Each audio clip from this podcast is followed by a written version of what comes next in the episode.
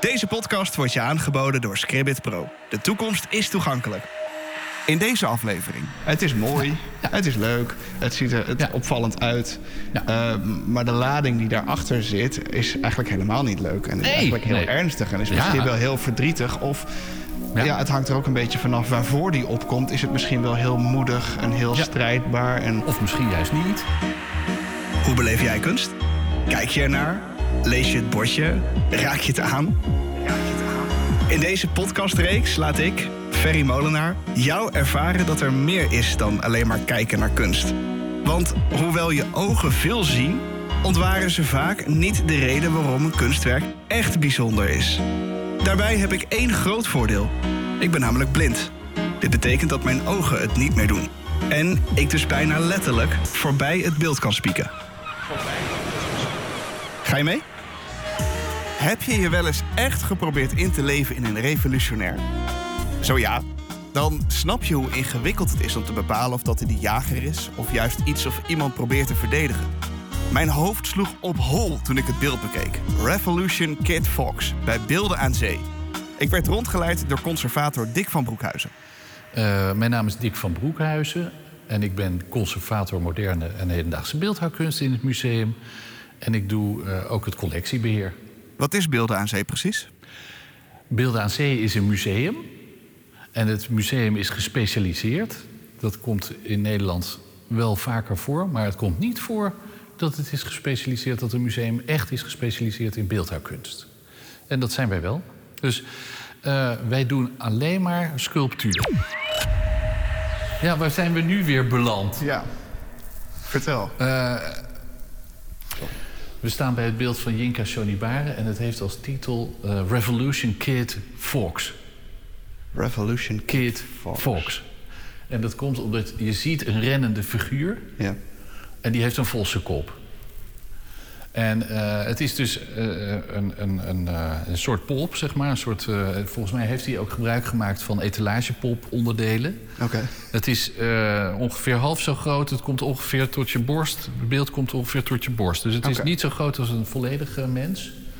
Maar het is groot genoeg om het, om het goed te zien, zou ik zeggen. Precies. En de figuur heeft dus eh, eh, geen normaal mensenhoofd, maar een, een vossenkop. En in zijn rechterhand heeft hij een gouden pistool. En in zijn linkerhand heeft hij een, eh, een Blackberry, toen nog een Blackberry. Oh, dat is ook vrij modern. eh. Het is heel modern, eh, ja, maar het is dus Ja. heel gek. Want Blackberry is overigens bijna prehistorisch. prehistorisch. Het beeld is gedateerd eh 2012, geloof ik. Het, is, eh, eh, ja, het kan onderdeel zijn van een groep die die heeft gemaakt.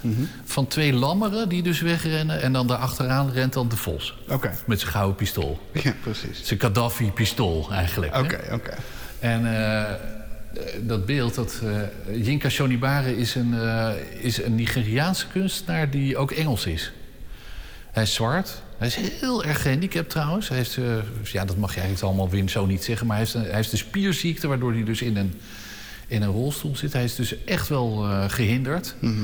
Maar het is een waanzinnige visuele geest. Het is een geweldige gozer. Niet eh, vanwege die handicap of wel of niet... maar hij heeft gewoon een enorme visuele bibliotheek in zijn hoofd... die hij steeds weer in kunstwerken aanbrengt. En wat dan zo interessant aan die kunstwerken is... is dat hij allerlei delen van de wereld en de geschiedenis... in elkaar weeft in zo'n kunstwerk. Ja. Dus de kleren bijvoorbeeld die het eh, beeld aan heeft... Hè, dus de, de, de manier waarop het is gekleed... want het is gewoon aangekleed eigenlijk...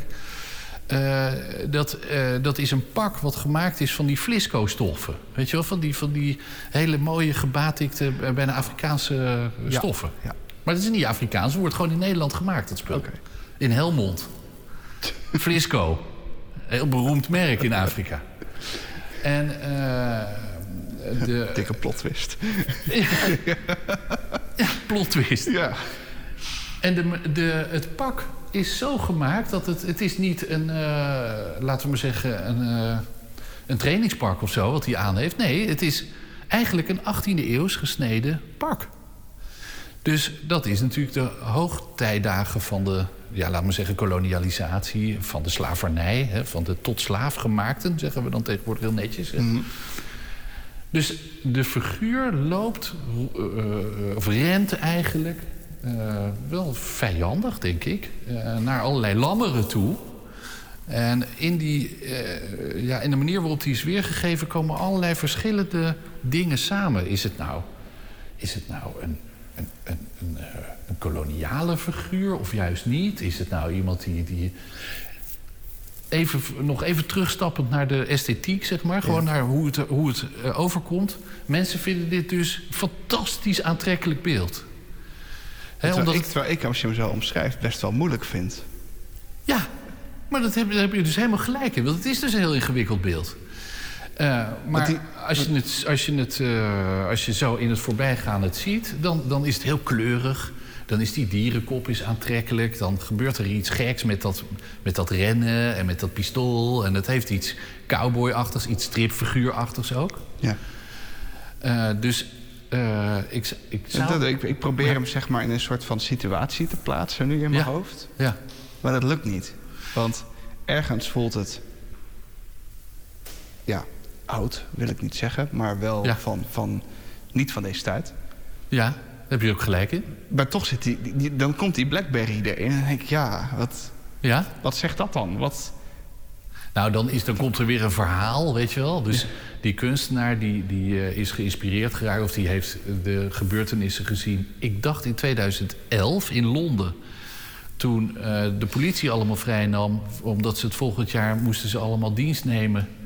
eh, voor de Olympische Spelen die toen in Londen waren. Kan, Dat kan wel kloppen. Nou, het maakt verder niet uit, maar toen braken er allemaal rellen uit in de stad.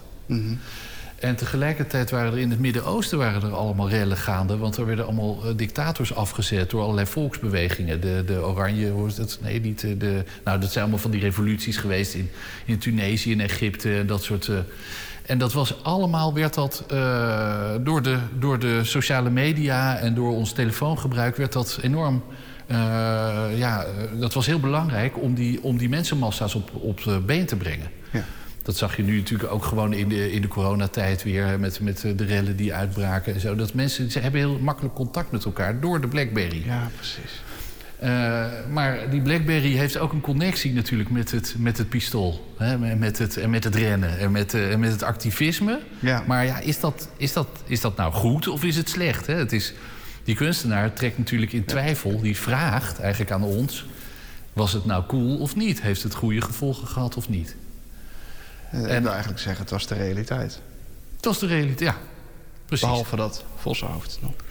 Ja, die, hij doet vaak iets met het, met het hoofd. Eh, bijvoorbeeld... eh, Of is dat dan teken van de jager of zo? Zoiets is het, denk ik. Ja, jager en slachtoffer. Of eh, dus de lammeren Ja. eh, koppen ten opzichte van de vos.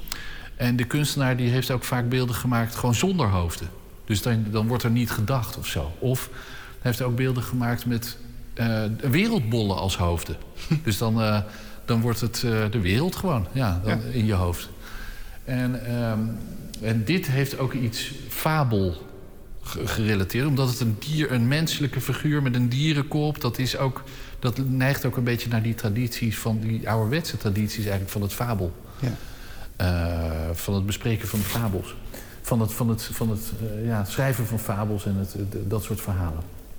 Dus eh, de geschiedenis kan ook op een soort mythische manier... of op een soort metaforische manier werken. Ja.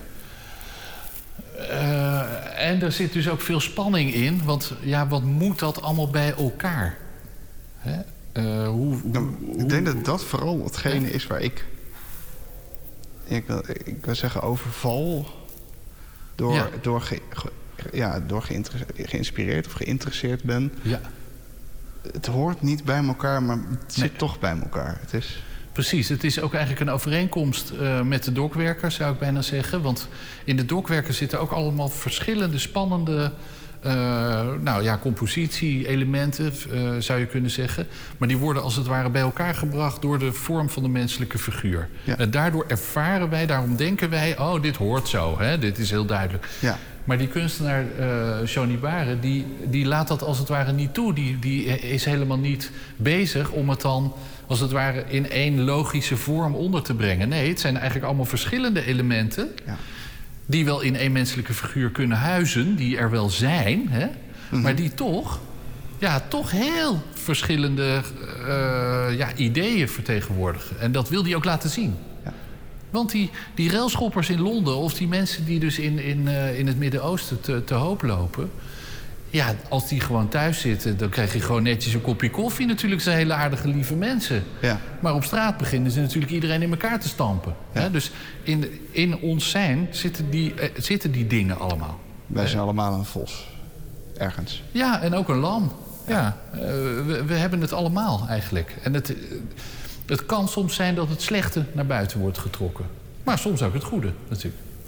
Je zei net inderdaad dat het onderdeel is van iets waar, waar nog andere beelden bij horen? Of Ja, is dat... ja kijk, al- we, dit beeld hebben wij gewoon aangekocht. En die Ja. kunstenaar eh, biedt dat ook te koop aan. Ja. Dus eh, oké.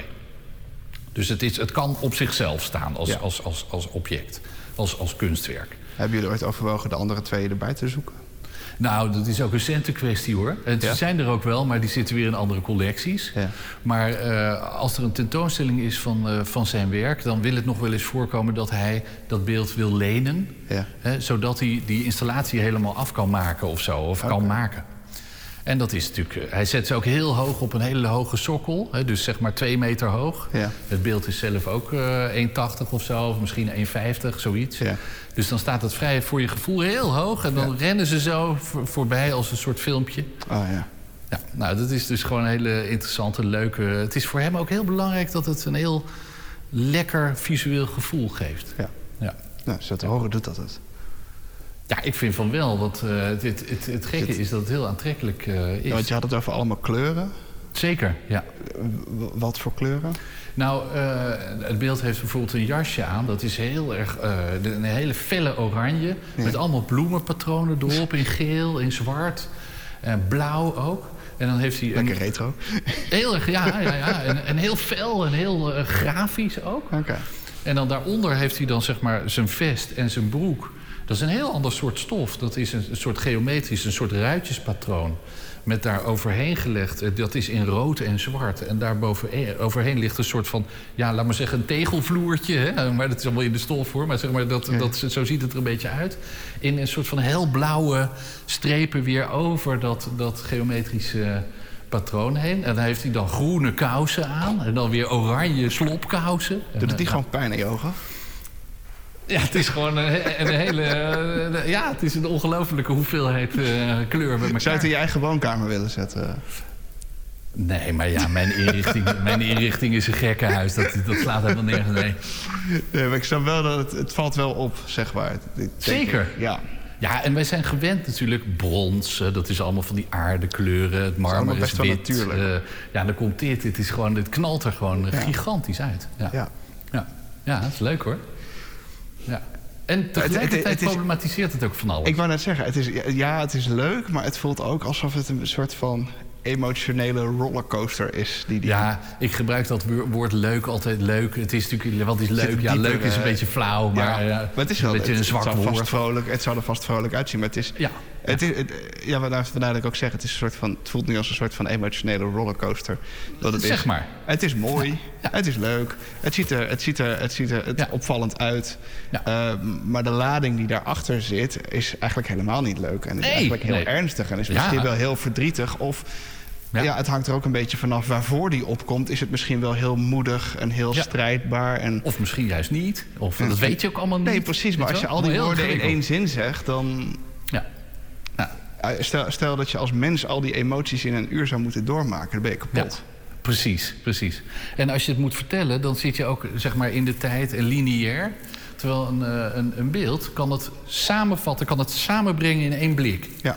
Dat is ook heel leuk. eh, en dan is de beeldhouwkunst is dan nog eh, ingewikkeld, want dat, daar moet je nog omheen. Dat is nog driedimensionaal, dat kost ook enige tijd. Maar als wij erover moeten praten, hoe gebrekkig ook...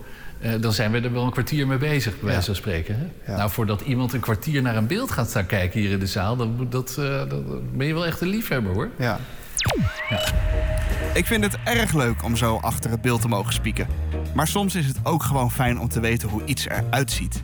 Elvera van Leeuwen van Scribbit Pro legt uit hoe jij jouw afbeelding het beste kan omschrijven aan iemand die niets of weinig ziet. Als je een afbeelding of een foto wil beschrijven, dan is het belangrijk dat je dat gestructureerd doet. Dat kan bijvoorbeeld door te zeggen: ik vertel van algemeen naar specifiek. Of ik vertel van binnen naar buiten. Zodat iemand het beeld ook echt in zijn hoofd kan opbouwen en er zelf een beeld bij kan vormen hoe die in elkaar steekt. Dus het is belangrijk dat je duidelijk taal gebruikt en ook kan herleiden naar dingen die mensen wel kennen.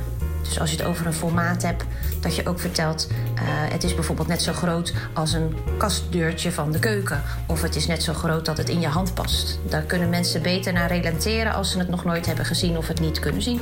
Elvera geeft een voorbeeld aan de hand van het logo van deze podcast. Uh, het logo van de beeldspeaker is een uh, rechtopstaande rechthoek, ongeveer ehm, twee keer zo hoog als breed. En er staan twee rondjes in boven elkaar waarin het onderste rondje een pupil is gemaakt. Een, donkerder rondje met een kleine uh, reflectie erin, zodat het op een oog lijkt. En dat uh, is eigenlijk de suggestie van het oog wat we ook tegenkomen in het uh, logo van Scribbit Pro. En door de positie van de twee rondjes in de rechthoek, waar aan de rechterkant een klein hapje uit is, uh, zou je het ook kunnen zien als een hoofdletter B of als een muziekspeaker. Wil je meer informatie over hoe jij het beste je online content toegankelijk kan maken? Kijk dan op de website www.scribbit.pro. Volgende keer in de beeldspeaker gaan we praten over de Victory Boogie Woogie. Het rood, geel en het blauw in abstracte composities. Wat ik altijd interessant vind als je bijvoorbeeld aan een Japanner vraagt... hoe, hoe, hoe ziet Mondriaan eruit? Dan is het bij wijze van spreken alsof je het met een lineaal... met die primaire kleuren zelf ook zou kunnen maken. Wil je niks missen? Abonneer je dan op de Beeldspeaker via je favoriete podcast-app... zoals Spotify, Apple Podcasts of Google Podcasts. Of kijk voor meer informatie op debeeldspeaker.nl. De Beeldspeaker wordt je aangeboden door Scribbit Pro. En deze aflevering werd mede mogelijk gemaakt door het Bartimeus Fonds, Oren en Ogen Tekort en Beelden aan Zee.